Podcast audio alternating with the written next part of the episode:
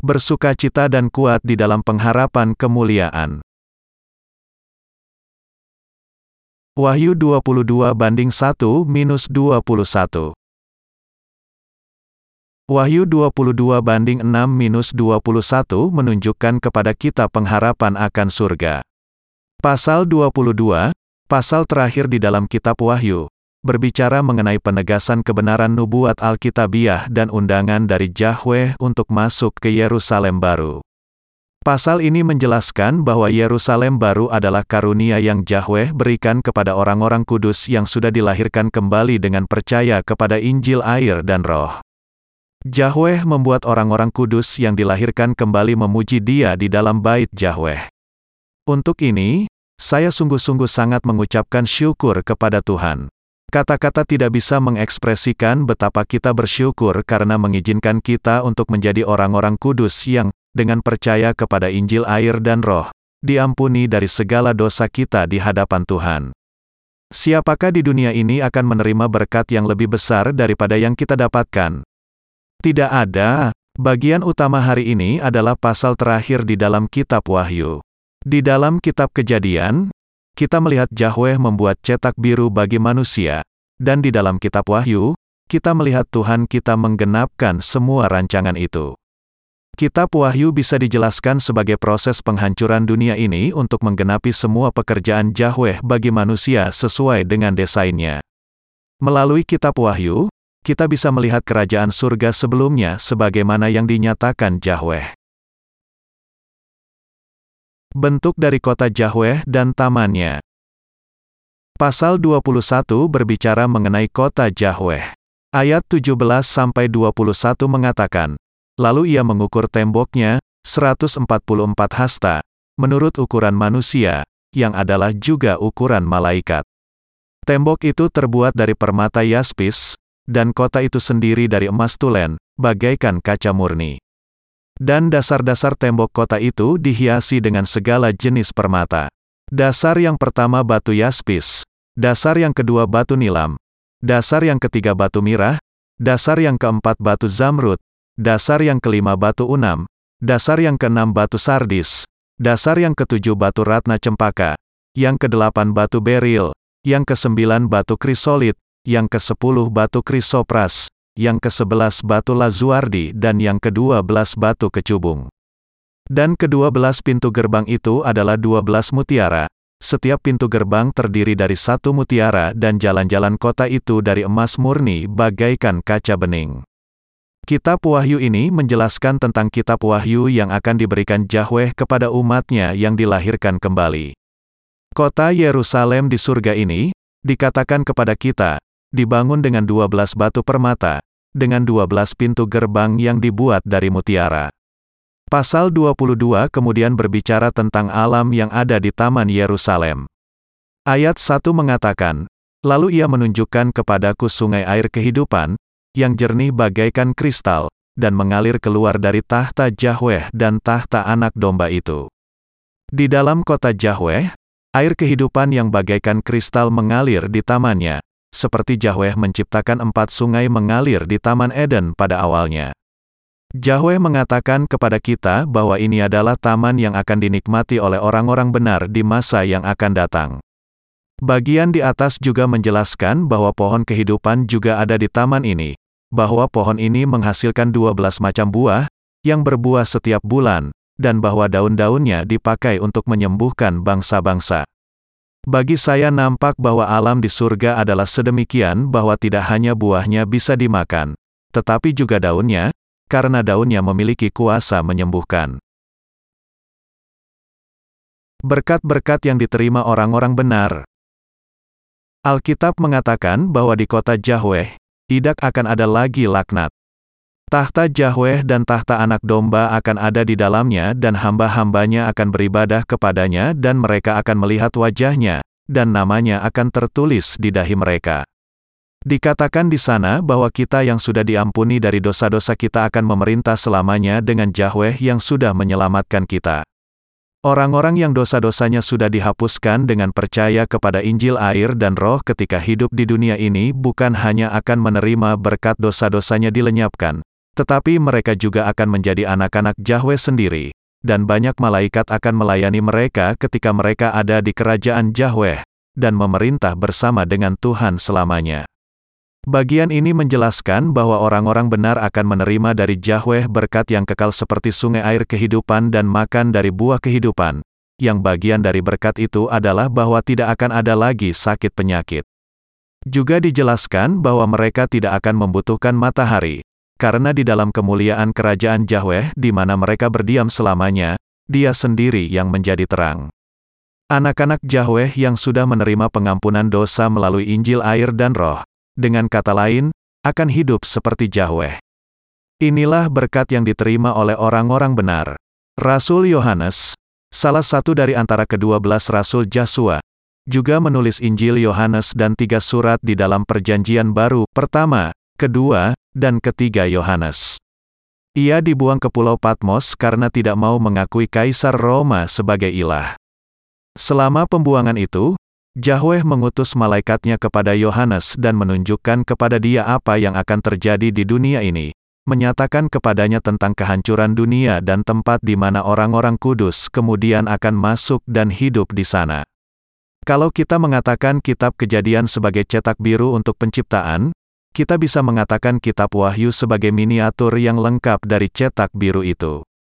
Selama 4000 tahun, Tuhan kita sudah mengatakan kepada manusia bahwa ia akan membuat segala dosa dilenyapkan melalui Yesus Kristus. Dan di masa perjanjian baru, ketika waktunya tiba, Yahweh menggenapi semua janjinya, bahwa ia akan mengutus Yesus sebagai juru selamat ke dunia ini, bahwa ia akan membuat Yesus dibaptiskan oleh Yohanes, dan bahwa ia akan membuta segala dosa dunia dilenyapkan melalui darah Kristus di kayu salib. Ketika manusia jatuh ke dalam tipu daya iblis dan terjebak di dalam kebinaan karena dosa, Tuhan kita berjanji bahwa Ia akan membebaskannya dari dosa-dosa. Ia kemudian mengutus Yesus Kristus, membuatnya dibaptiskan dan mencurahkan darah, dan dengan itu menyelamatkan manusia secara sempurna dari dosa-dosanya. Melalui kitab Wahyu, Yahweh sudah mencatat dengan terperinci kemuliaan jenis apa yang menantikan mereka yang sudah menerima pengampunan dosa, dan penghukuman apa yang menantikan orang-orang berdosa di sisi lain. Yahweh mengatakan, dengan kata lain, bahwa ada banyak orang yang akan berakhir di neraka meskipun mereka mengatakan bahwa mereka sudah percaya kepadanya dengan setia. Matius pukul 7:21-23. Tuhan kita sudah menyelamatkan orang-orang berdosa dari dosa-dosa mereka, dan ia sudah melarang kita memeteraikan firman berkat yang sudah dipersiapkannya bagi orang-orang benar. Siapakah yang jahat dan yang cemar? Ayat 11 menegaskan, Barang siapa yang berbuat jahat, biarlah ia terus berbuat jahat. Barang siapa yang cemar, biarlah ia terus cemar. Dan barang siapa yang benar, biarlah ia terus berbuat kebenaran. Barang siapa yang kudus, biarlah ia terus menguduskan dirinya. Siapakah yang jahat di sini? Orang-orang jahat tidak lain dari mereka yang tidak percaya kepada kasih Injil air dan roh yang diberikan Tuhan. Karena manusia melakukan dosa setiap waktu, mereka harus percaya kepada Injil air dan roh yang diberikan oleh Tuhan kepada mereka yang menghidupi kehidupan mereka dengan memuliakan Yahweh. Karena hanya Yahweh sajalah yang yang menerima kemuliaan dari manusia, dan karena hanya dia sajalah yang mengenakan kepada kita anugerah keselamatan darinya, kita semua harus menghidupi kehidupan kita dengan memberikan semua kemuliaan kepada Yahweh. Orang-orang yang tidak taat kepada Yahweh adalah cemar, karena mereka tidak senantiasa percaya kepada firman-Nya. Dalam Matius pukul 7.23, Tuhan kita mengatakan kepada orang yang hanya sekedar mengaku beragama yang percaya kepadanya hanya di bibir saja, Aku tidak pernah mengenal kamu. Enyahlah daripadaku, kamu sekalian pembuat kejahatan. Tuhan kita menyebut mereka, kamu sekalian pembuat kejahatan. Ia menolak mereka karena orang-orang itu percaya kepada Yesus hanya melalui perbuatan mereka saja, dan tidak percaya kepada firman Yahweh dengan sepenuh hatinya.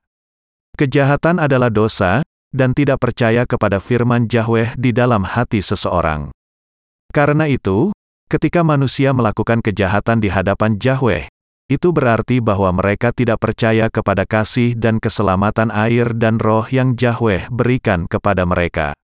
Kejahatan tidak lain dari mengubah firman Yahweh sekehendak hatinya sendiri dan percaya kepada hal itu secara sewenang-wenang seperti yang dikehendakinya. Orang-orang yang sungguh-sungguh percaya kepada Yahshua harus menerima apa saja yang sudah ditetapkan sebagaimana adanya. Kita percaya kepada Yahshua, tetapi hal itu sama sekali tidak mengubah rancangan Yahweh dan penggenapan keselamatannya. Berita dalam bagian utama tadi adalah bahwa Yahweh akan memberikan kehidupan kekal kepada mereka yang percaya kepada keselamatan sebagaimana adanya, tetapi akan membuang ke neraka siapa saja yang mengubahkan hukum Yahweh dan percaya secara sembarangan sesuai dengan apa yang mereka sukai. Barang siapa yang berbuat jahat, biarlah ia terus berbuat jahat. Ini menjelaskan bahwa orang-orang demikian, di dalam keras kepala mereka, tidak percaya kepada keselamatan yang ditetapkan oleh Yahweh. Mereka adalah orang jahat, dan inilah sebabnya orang-orang berdosa senantiasa jahat. Bagian ini melanjutkan, barang siapa yang cemar, biarlah ia terus cemar. Ini menunjuk kepada orang-orang yang, meskipun mereka penuh dosa, dan meski kenyataannya Yahshua sudah membuat dosa-dosa mereka dilenyapkan dengan air dan roh, tidak memiliki keinginan apa pun untuk membasuh dosa-dosa mereka dengan iman. Karena itu, Yahweh akan membiarkan saja orang-orang yang tidak beriman itu sebagaimana adanya, dan kemudian menghukum mereka.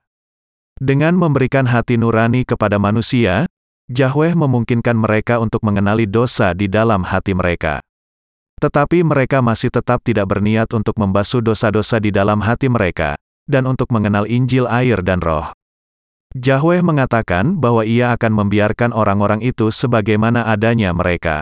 Amsal 30 banding 12 mengatakan, ada keturunan yang menganggap dirinya tahir, tetapi belum dibasuh dari kotorannya sendiri. Orang-orang yang hanya mengaku diri Kristen di zaman ini adalah orang-orang yang bahkan tidak mau dibasuhkan dari dosa-dosa mereka. Namun, Yahshua, yang adalah Yahweh sendiri, datang ke dunia ini untuk menyelamatkan orang-orang berdosa, membasuh segala dosa mereka dengan menanggung segala dosa manusia ke atas dirinya dengan baptisannya sekaligus, dan sekali juga dihukum untuk dosa-dosa itu dengan disalibkan, dan dengan itu memang menyelamatkan dari dosa orang-orang yang percaya. Kepada siapa saja yang mengenal dan percaya kepada firman Injil air dan roh yang dengannya Yesus Kristus sudah menyelamatkan orang-orang berdosa, Tuhan kita mengizinkan orang itu untuk diampuni dari segala dosanya, meski ia orang berdosa yang bagaimanapun. Tetapi masih ada orang-orang yang tidak mau menerima pengampunan dosa ini melalui iman. Mereka adalah orang-orang yang bahkan tidak mau dosa-dosanya dibasuhkan. Yahweh akan membiarkan mereka sebagaimana adanya. Ini adalah untuk menggenapi keadilan Yahweh. Ini untuk menunjukkan bahwa Yahweh adalah Yahweh keadilan. Orang-orang itu akan dibuang ke dalam api belerang yang membakar selamanya. Mereka kemudian akan menyadari siapa Yahweh keadilan itu sesungguhnya. Meskipun mereka mengakui Yahshua sebagai juru selamat mereka, mereka bukan hanya mendustai hati nurani mereka sendiri, tetapi mereka juga meremehkan hati nurani orang lain. Karena mereka sudah menolak Injil air dan roh, Yahweh akan membalaskan kepada mereka sesuai dengan apa yang sudah mereka lakukan. Ketika harinya tiba, Yahweh akan menurunkan murkanya kepada siapa saja yang layak menerima murkanya. Memberikan kepada semua orang sesuai dengan pekerjaannya. Ada dua jenis manusia di dunia ini, mereka yang sudah bertemu dengan Tuhan, dan mereka yang belum. Tuhan kita akan membalas kepada semua orang seturut dengan pekerjaannya. Tidak seorang pun yang bisa dibenarkan dari dirinya sendiri, tetapi pembenaran berasal dari Yesus.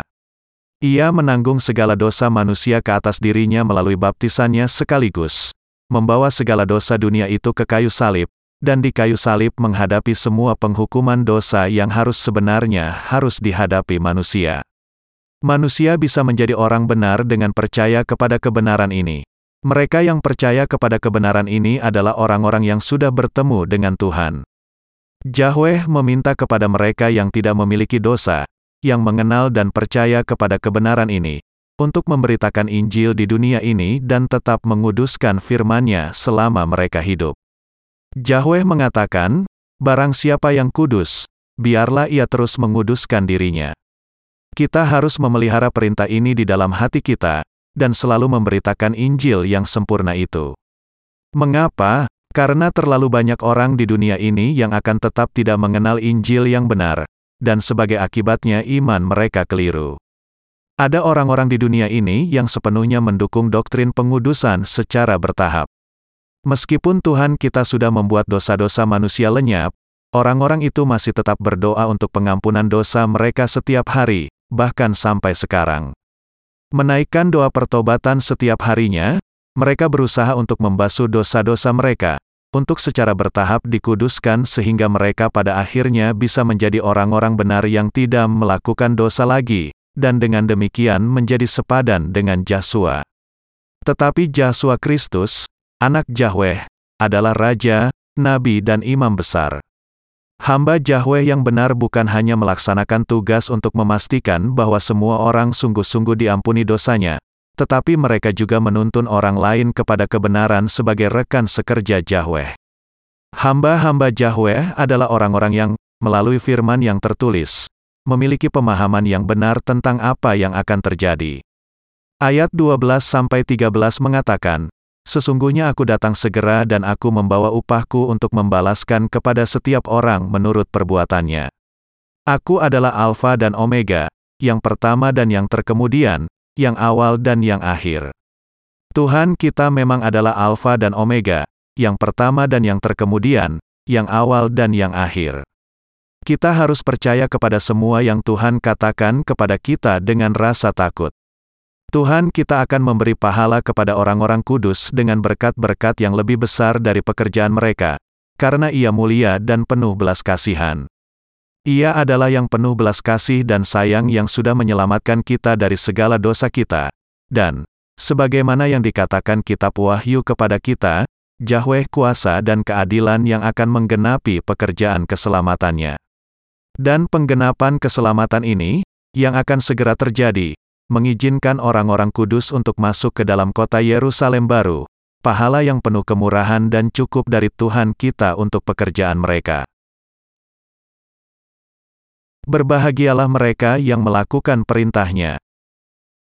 Dilanjutkan di dalam ayat 14, bagian tadi mengatakan kepada kita, berbahagialah mereka yang membasuh jubahnya. Mereka akan memperoleh hak atas pohon-pohon kehidupan dan masuk melalui pintu-pintu gerbang ke dalam kota itu. Ada banyak orang yang mengatakan, berdasarkan ayat ini, bahwa keselamatan diperoleh karena perbuatan dengan mentaati, dengan kata lain, semua perintahnya. Tetapi sebenarnya, melakukan kehendaknya, berarti mentaati semua firman Yahweh yang tertulis dengan iman.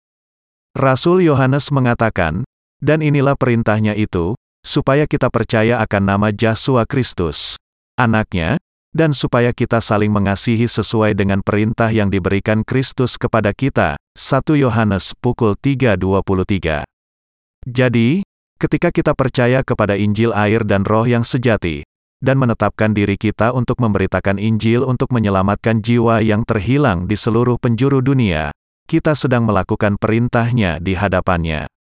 Yang benar adalah bahwa segala dosa yang kita lakukan sepanjang kehidupan kita sudah dihapuskan melalui baptisan yang Yesus terima dari Yohanes Pembaptis.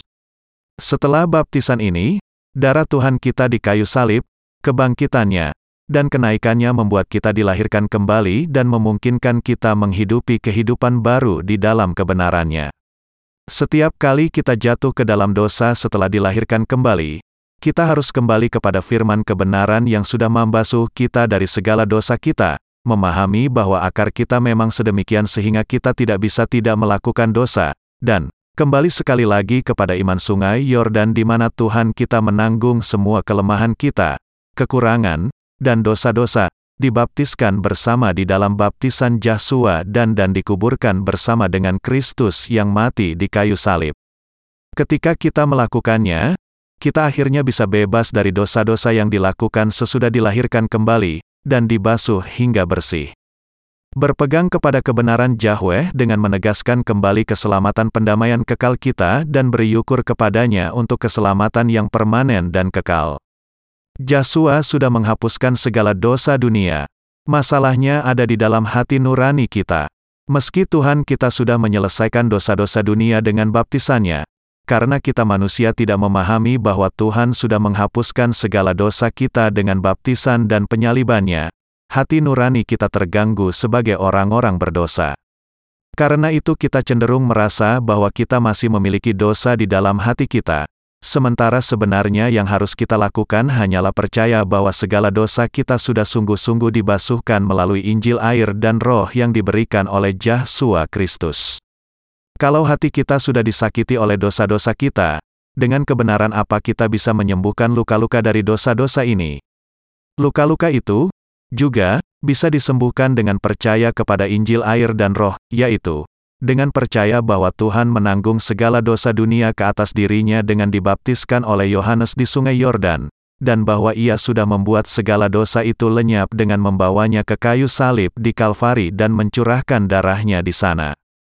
Dengan kata lain, dosa-dosa perbuatan yang kita lakukan sesudah menerima pengampunan dosa juga bisa dibasuhkan ketika kita menegaskan sekali lagi iman kita kepada Injil bahwa Yesus Kristus sudah menghapuskan segala dosa kita, termasuk dosa-dosa perbuatan kita. Dosa-dosa dunia ini dibasuhkan sekaligus ketika Yesus Kristus menerima baptisannya dan disalibkan.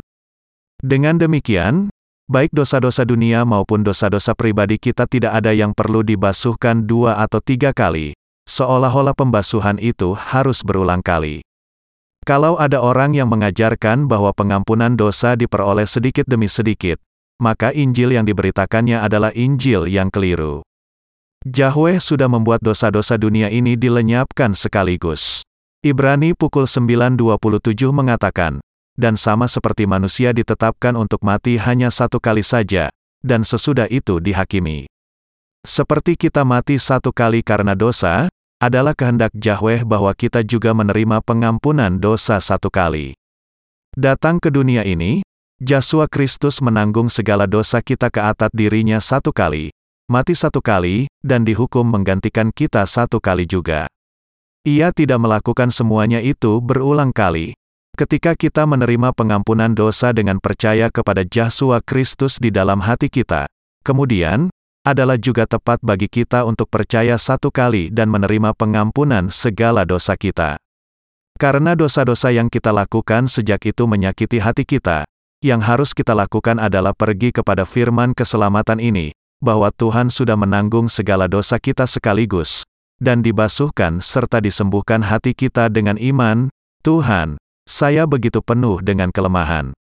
Saya melakukan dosa lagi. Saya tidak bisa menjalani seluruh kehidupan saya sesuai dengan kehendakmu. Tetapi ketika engkau dibaptiskan oleh Yohanes di sungai Yordan dan mencurahkan darahmu di kayu salib, bukankah engkau menyelesaikan dosa saya ini juga? Haleluya, saya memuji engkau, Tuhan. Dengan iman yang demikian, kita bisa menegaskan pengampunan dosa kita sekali lagi dan bersyukur kepada Tuhan senantiasa. Pasal yang terakhir dari kitab Wahyu ini menjelaskan bahwa dengan datang kepada Yesus Kristus, yang adalah pohon kehidupan, dan dengan percaya bahwa Tuhan sudah menghapuskan segala dosa dunia, mereka yang sudah menerima pengampunan dosa mendapatkan hak untuk masuk ke dalam kerajaan Yahweh, kota kudus, melalui iman mereka. Siapa saja yang mau masuk ke kota Yahweh harus percaya bahwa Yesus Kristus memperdamaikan dosa-dosa manusia sampai kekal dengan menerima baptisannya satu kali dan mencurahkan darahnya. Meskipun kita semua whoever wants to enter the city of God must believe that Yesus Kristus memiliki banyak tindakan kelemahan, dengan percaya kepada baptisan dan darah Yesus Kristus juru selamat kita, iman kita bisa diterima Yahweh sebagai yang benar, dan kita bisa datang kepada pohon kehidupan itu. Hanya dengan percaya kepada baptisan Kristus dan darahnya kita memiliki hak untuk minum air kehidupan yang mengalir di Yerusalem baru dan makan buah dari pohon kehidupan. Karena syarat untuk masuk langit baru dan bumi baru, yang tidak akan pernah bisa diambil oleh siapa pun, hanya berasal dari Injil air dan roh, kita harus mempertahankan iman kita dan juga memberitakannya kepada orang lain. Demikian, Kata melakukan perintahnya berarti bahwa kita untuk mengalahkan dunia ini dengan iman, yaitu percaya dan memelihara Injil air dan roh, dan menetapkan diri kita untuk memberitakan Injil yang benar ke seluruh penjuru dunia. Dalam Matius 22, Joshua mengatakan kepada kita perumpamaan tentang perjamuan kawin. Kesimpulan dari perumpamaan ini adalah bahwa siapa saja yang tidak mengenakan pakaian perjamuan akan dibuang ke dalam kegelapan. Matius pukul 22.11-13 Bagaimana kita bisa mengenakan pakaian perjamuan untuk mengambil bagian di dalam perjamuan kawin anak domba? Dan apakah pakaian perjamuan itu? Pakaian perjamuan yang memungkinkan kita untuk masuk ke dalam perjamuan kawin anak domba adalah kebenaran Yahweh yang diberikan kepada kita melalui Injil air dan roh. Apakah Anda percaya kepada Injil air dan roh? Kalau demikian, anda sudah mengenakan keindahan di dalam kebenarannya sehingga Anda bisa masuk surga sebagai pengantin perempuan dari anak Yahweh yang tidak berdosa. Kita, orang-orang yang dilahirkan kembali, juga melakukan dosa setiap hari. Namun, hanya orang-orang benar yang sudah diampuni dosa-dosa mereka oleh Yahweh memenuhi syarat untuk dibasuhkan dari dosa-dosa harian mereka dari pakaian kebenaran mereka dengan iman. Karena mereka yang dosa-dosanya belum diampuni tidak memenuhi syarat untuk dibasuh dosa-dosanya, mereka tidak akan bisa membasuh diri mereka sendiri dengan doa pertobatan setiap hari. Bahwa kita sudah diselamatkan dari dosa dunia ini dengan percaya kepada Tuhan menjadi mungkin dengan mengetahui dan percaya bahwa Tuhan sudah menghapuskan segala dosa dunia dari diri kita dengan datang ke dunia ini, dibaptiskan, dan mencurahkan darahnya. Kita bisa menegaskan, dengan kata lain, bahwa dosa-dosa harian kita sudah dihapuskan hanya di dalam Injil yang benar ini. Mereka yang sudah menerima pengampunan dosa dari Tuhan melalui firman air dan darah juga bisa memiliki keyakinan keselamatan dari dosa yang mereka lakukan sepanjang kehidupan mereka. Adalah karena Tuhan kita membuat segala dosa kita lenyap sekaligus sehingga kita bisa juga dibasuhkan dari segala dosa yang kita lakukan melalui tindakan kita sendiri yaitu dengan percaya kepada pendamaian keselamatan kekal ini.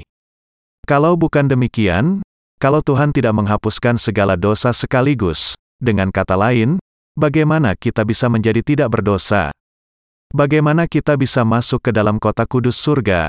Bagaimana kita bisa menghadap Yesus Kristus, pohon kehidupan itu, dengan percaya kepada kenyataan bahwa Tuhan sudah membuat segala dosa kita lenyap, kita bisa masuk kerajaan surga sebagai manusia yang bersih dan tidak bercela.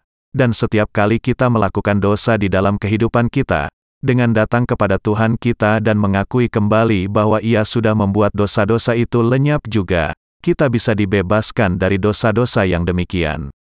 Itulah sebabnya saya mengatakan bahwa hanya orang-orang yang dilahirkan kembali yang mendapatkan hak untuk diampuni dari dosa-dosa harian kita dengan iman. Raja Daud mengakui dosa besar di hadapan Yahweh, meskipun ia adalah seorang hamba Yahweh. Ia melakukan perzinahan dengan seorang wanita yang sudah menikah, dan membunuh suaminya yang adalah bawahannya yang setia. Akan tetapi, ia memuji Yahweh karena kasih pengampunannya seperti ini, Berbahagialah orang yang diampuni pelanggarannya, yang dosanya ditutupi. Berbahagialah manusia, yang kesalahannya tidak diperhitungkan Tuhan, dan yang tidak berjiwa penipu, Mazmur 32 banding 1 minus 2. Siapakah yang paling berbahagia di dunia ini dan di hadapan Yahweh? Yang paling berbahagia tidak lain dari orang-orang di antara kita yang sudah dilahirkan kembali, dan yang setiap kali melakukan dosa di dalam kehidupan kita, memandang ke depan kepada kenyataan bahwa Tuhan sudah membuat dosa-dosa kita lenyap, pergi ke mata air kehidupan setiap hari, dan membau hati kita yang tercemar setiap hari. Hal ini meneguhkan pembebasan kita dan menegaskan akan anugerah keselamatan Yahweh yang besar. Hanya orang-orang benar yang menerima pengampunan dosa, membuat semua kelemahan mereka menjadi lengkap. Tindakan mereka lengkap, dan demikian juga hati mereka.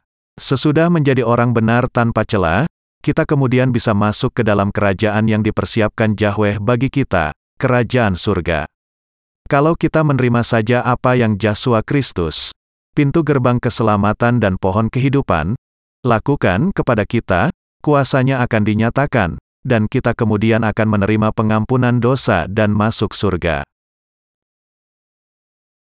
Mereka yang datang ke pohon kehidupan, Alasan mengapa kita yang sudah menerima pengampunan dosa selalu menghadap Yahweh adalah untuk menegaskan bahwa Tuhan sudah membuat dosa-dosa kita dilenyapkan, untuk meneguhkan anugerah keselamatan sekali lagi, untuk mengingatnya, dan memuji Yahweh untuk hal itu, sehingga kita semua bisa lebih dari memenuhi syarat untuk masuk ke dalam kerajaannya. Inilah sebabnya kita memberitakan Injil. Tidak terhitung banyaknya orang Kristen, tidak bisa bertemu hamba Yahweh yang bisa menuntun mereka dengan mengajarkan Alkitab dengan benar, kemudian terjebak di dalam kesalahpahaman akan firman dan kepercayaan yang salah. Bahkan sekarang, ada orang-orang yang memusatkan perhatian kepada apa yang mereka lakukan, menaikkan doa pertobatan setiap pagi dan sepanjang malam. Mengapa mereka melakukan hal itu? Karena mereka percaya bahwa dengan melakukan hal itu, dosa-dosa mereka akan diampuni. Dan mereka percaya demikian karena diajari doktrin yang keliru. Tetapi semua itu adalah ketidakbenaran di hadapan Yahweh. Orang-orang yang demikian sangat memprihatinkan yang tidak mengenal kebenaran Yahweh ataupun kasihnya yang tidak bersyarat. Alkitab bukan sesuatu yang bisa diremehkan, seolah-olah bisa ditafsirkan sekehendak hati seseorang. Tetapi karena banyak orang sudah menafsirkan, mengajarkan, dan percaya kepadanya berdasarkan pemahaman manusia sendiri. Akibatnya seperti yang di atas, yaitu, mereka tetap tidak memahami kebenaran dan kasih Yahweh. Masing-masing bagian Alkitab memiliki makna yang pasti dan itu bisa ditafsirkan dengan benar hanya oleh para nabi Yahweh yang sudah menerima pengampunan dosa. Pergi kepada pohon kehidupan bagi kita adalah percaya kepada Tuhan ketika kita masih di dunia ini, untuk mengingat setiap hari bahwa Tuhan sudah membuat dosa-dosa kita dilenyapkan, memuji Dia, dan memberitakan Injil ini. Kita, orang-orang yang dilahirkan kembali, juga mengingat bahwa Ia menanggung segala dosa ke atas dirinya, untuk menegaskan kebenaran ini setiap hari, menyembah Dia dengan sukacita pengucapan syukur, dan datang kepada Tuhan. Namun, tidak berlebihan untuk mengatakan bahwa orang Kristen di seluruh dunia sudah salah menafsirkan bagian ini dan salah percaya bahwa mereka bisa masuk kerajaan Yahweh dengan membuat dosa-dosa mereka dibasuhkan melalui doa pertobatan setiap hari. Tetapi ini bukan arti bagian ini. Setelah menerima pengampunan dosa, hati kita bisa tetap ada di dalam damai dengan memastikan bahwa Tuhan kita sudah membuat segala dosa yang kita lakukan dengan tindakan kita dilenyapkan. Dengan memastikan dihapuskannya segala dosa kita, kita tidak lagi diikat oleh dosa. Inilah jalan untuk pergi kepada pohon kehidupan di surga. Kitab suci memiliki sisi yang sangat berbeda dengan pemikiran buatan manusia. Dengan demikian, untuk mengenal kebenaran, kita harus terlebih dahulu belajar dan mendengar kebenaran dari hamba Yahweh yang dilahirkan kembali. Mereka yang tinggal di bagian luar kota. Ayat 15 mengatakan, tetapi anjing-anjing dan tukang-tukang sihir, orang-orang sundal, orang-orang pembunuh, penyembah-penyembah berhala dan setiap orang yang mencintai dusta dan yang melakukannya, tinggal di luar. Firman ini menjelaskan kepada semua orang yang di akhir zaman tidak dilahirkan kembali. Sangat menakjubkan bahwa Tuhan menyebutkan mengenai mereka dengan sangat tepat. Salah satu ciri anjing adalah bahwa mereka sering memuntahkan makanan, yaitu, mereka mengeluarkan apa yang sudah mereka makan, dan memakannya lagi, kemudian mengeluarkannya lagi, dan sekali lagi makan apa yang baru mereka muntahkan. Tuhan kita mengatakan di sini bahwa anjing-anjing tidak akan bisa masuk ke dalam kota itu. Siapa yang disebutkan dengan anjing di sini? Mereka adalah orang-orang yang berseru, Tuhan, saya orang berdosa, basuhkanlah dosa-dosa saya, dan kemudian menyanyikan pujian kepada Yahweh, saya sudah diampuni, Anda sudah diampuni, kita semua sudah diampuni. Tetapi sesaat kemudian, orang-orang itu sekali lagi berseru, Tuhan, saya orang berdosa, kalau engkau mengampuni saya sekali lagi, saya tidak akan melakukan dosa lagi. Kemudian mereka menyanyi lagi, saya sudah diampuni oleh darah di Kalvari.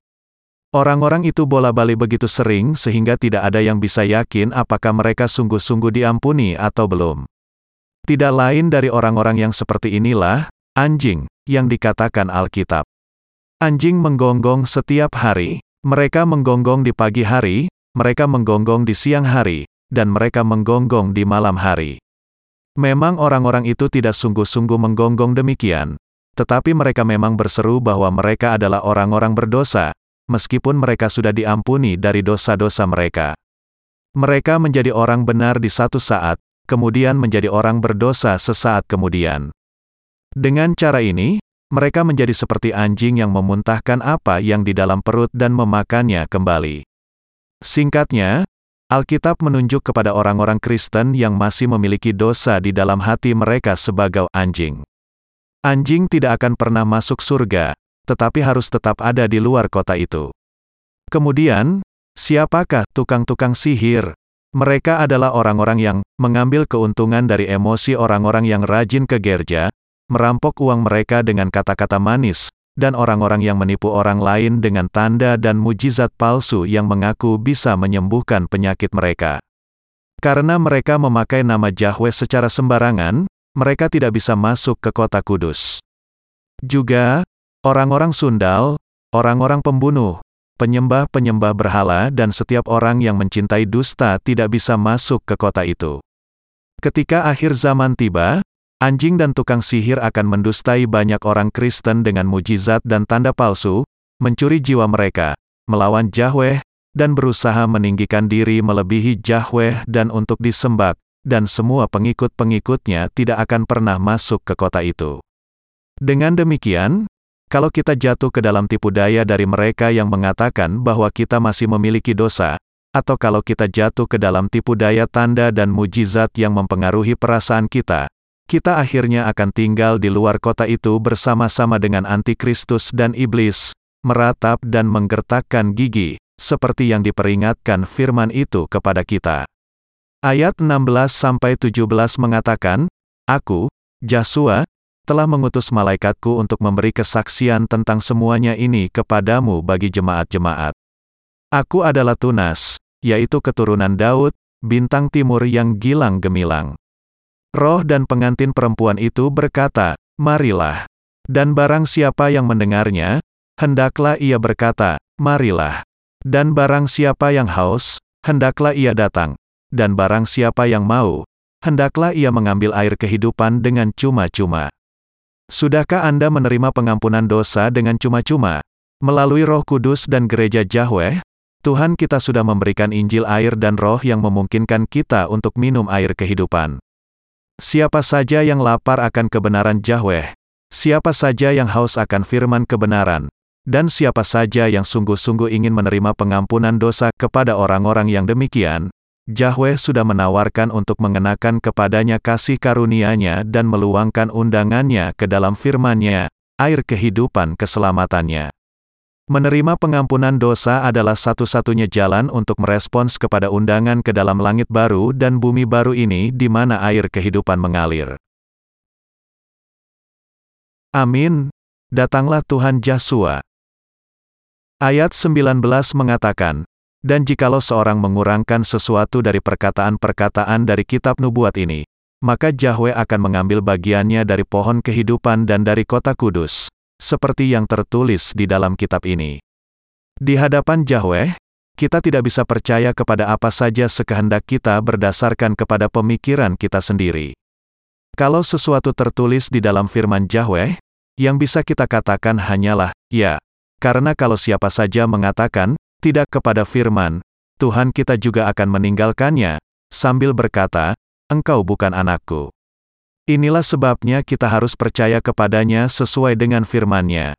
Kita tidak bisa menambah atau mengurangi sebagian pun dari firman Yahweh, tetapi kita harus percaya kepadanya sebagaimana yang tertulis. Mempercayai hamba Yahweh dan percaya kepada apa yang dikatakan Roh Kudus melalui gereja Yahweh adalah isi dari iman yang benar. Namun banyak orang, karena mereka sudah mengabaikan Injil air dan roh dari iman mereka, masih memiliki dosa di dalam hati mereka. Bahkan ketika firman dikatakan berulang kali kepada mereka bahwa hanya orang-orang yang tidak berdosa yang bisa masuk kota kudus Yahweh, mereka masih meninggalkan baptisan Yasua dari iman mereka, dan bahkan menambahkan kepada hal itu tindakan-tindakan seperti menaikkan doa pertobatan dan persembahan materi. Mereka yang percaya kepada Yesus sebagai juru selamat mereka sendiri harus bisa mengaku dengan iman mereka bahwa segala dosa manusia sudah ditanggungkan kepada Yesus melalui baptisan yang Yesus terima dari Yohanes Pembaptis di Sungai Yordan. Kalau Anda meninggalkan baptisan Yesus Anda sebenarnya sedang meninggalkan iman Anda. Dengan kata lain, kalau Anda tidak percaya kepada Injil air dan roh, bahkan darah Kristus menjadi tidak berguna, dan kebangkitan Kristus, juga menjadi tidak ada hubungannya dengan Anda. Hanya orang-orang yang sudah percaya bahwa Yahweh sudah membuat dosa-dosa mereka dilenyapkan dengan cuma-cuma memiliki hubungan dengan kebangkitan Yesus, dan hanya mereka yang bisa berseru dengan sukacita atas kedatangan Tuhan Yesus, sebagaimana yang dilakukan Rasul Yohanes di ayat 20. Ayat 20 mengatakan, ia yang memberi kesaksian tentang semuanya ini, berfirman, Ya, aku datang segera. Amin. Datanglah, Tuhan Yesus. Hanya orang-orang benar yang bisa mengatakan hal ini. Tuhan kita akan segera datang kembali ke dunia ini, sesuai dengan doa-doa orang-orang benar. Hanya orang-orang benar, yang sudah menerima pengampunan dosa yang sempurna dengan percaya kepada Injil air dan roh, akan bersuka cita dan menantikan dengan giat akan kedatangan Tuhan yang segera. Ini karena mereka yang sudah siap untuk menerima Tuhan adalah mereka yang mengenakan pakaian air dan roh, yaitu mereka yang tidak berdosa. Tuhan kita menantikan datangnya hari ketika Ia akan meresponi penantian orang-orang benar, hari ketika Ia datang kembali ke dunia ini. Ia akan memberi pahala bagi kita dengan kerajaan seribu tahun, dan mengenakan kita, yang adalah orang-orang benar, di dalam berkat besarnya masuk ke dalam langit baru dan bumi baru di mana air kehidupan mengalir. Penantian Tuhan kita tidak akan lama. Dengan demikian, yang bisa lakukan hanyalah mengatakan, Amin. Kalau begitu, datanglah, Tuhan Yesus. Dan, dengan iman dan ucapan syukur, kita dengan diat menantikan kedatangan Tuhan. Akhirnya, ayat 21 mengatakan, kasih karunia Tuhan Yesus menyertai kamu sekalian. Amin. Rasul Yohanes mengakhiri kitab Wahyu dengan doa berkat yang terakhir bagi semua orang. Ia menaikkan doa berkat di bagian akhir, dengan hatinya berharap agar semua orang percaya kepada Yesus, diselamatkan, dan masuk ke dalam kota Yahweh. Saudara-saudara orang kudus, bahwa kita sudah diselamatkan oleh Yahweh berarti bahwa ia sudah mengasihi kita, menyelamatkan kita dari segala dosa kita, dan membuat kita menjadi umatnya. Jadi adalah sangat indah dan penuh syukur bahwa Yahweh sudah menjadikan kita sebagai orang-orang benar sehingga kita bisa masuk ke dalam kerajaannya. Ini adalah inti dari apa yang dikatakan Alkitab kepada kita. Untuk membuat kita hidup selamanya di dalam kerajaannya, Yahweh mengizinkan Anda dan saya dilahirkan kembali dengan mendengar Injil yang benar, dan ia sudah menyelamatkan kita dari segala dosa kita dan penghukuman. Saya bersyukur dan memuji Tuhan untuk keselamatan darinya. Sangat untung bahwa kita dengan selamat menerima pengampunan dosa kita. Kita semua manusia yang sudah sangat diberkati oleh Yahweh. Dan kita adalah nabi-nabinya. Dengan demikian, kita harus memberitakan Injil pengampunan dosa kepada semua manusia yang belum mendengar Injil ini dan juga memberitakan kepada mereka kitab wahyu, penggenapan dari Injil. Saya berharap dan berdoa agar semua orang akan percaya kepada Yesus, yang adalah pencipta, juru selamat, dan hakim, dan ketika akhir zaman tiba, kemudian masuk ke tempat kudus di langit baru dan bumi baru yang diberikan oleh Tuhan. Kiranya anugerah dari Tuhan kita Yesus akan menyertai Anda semua.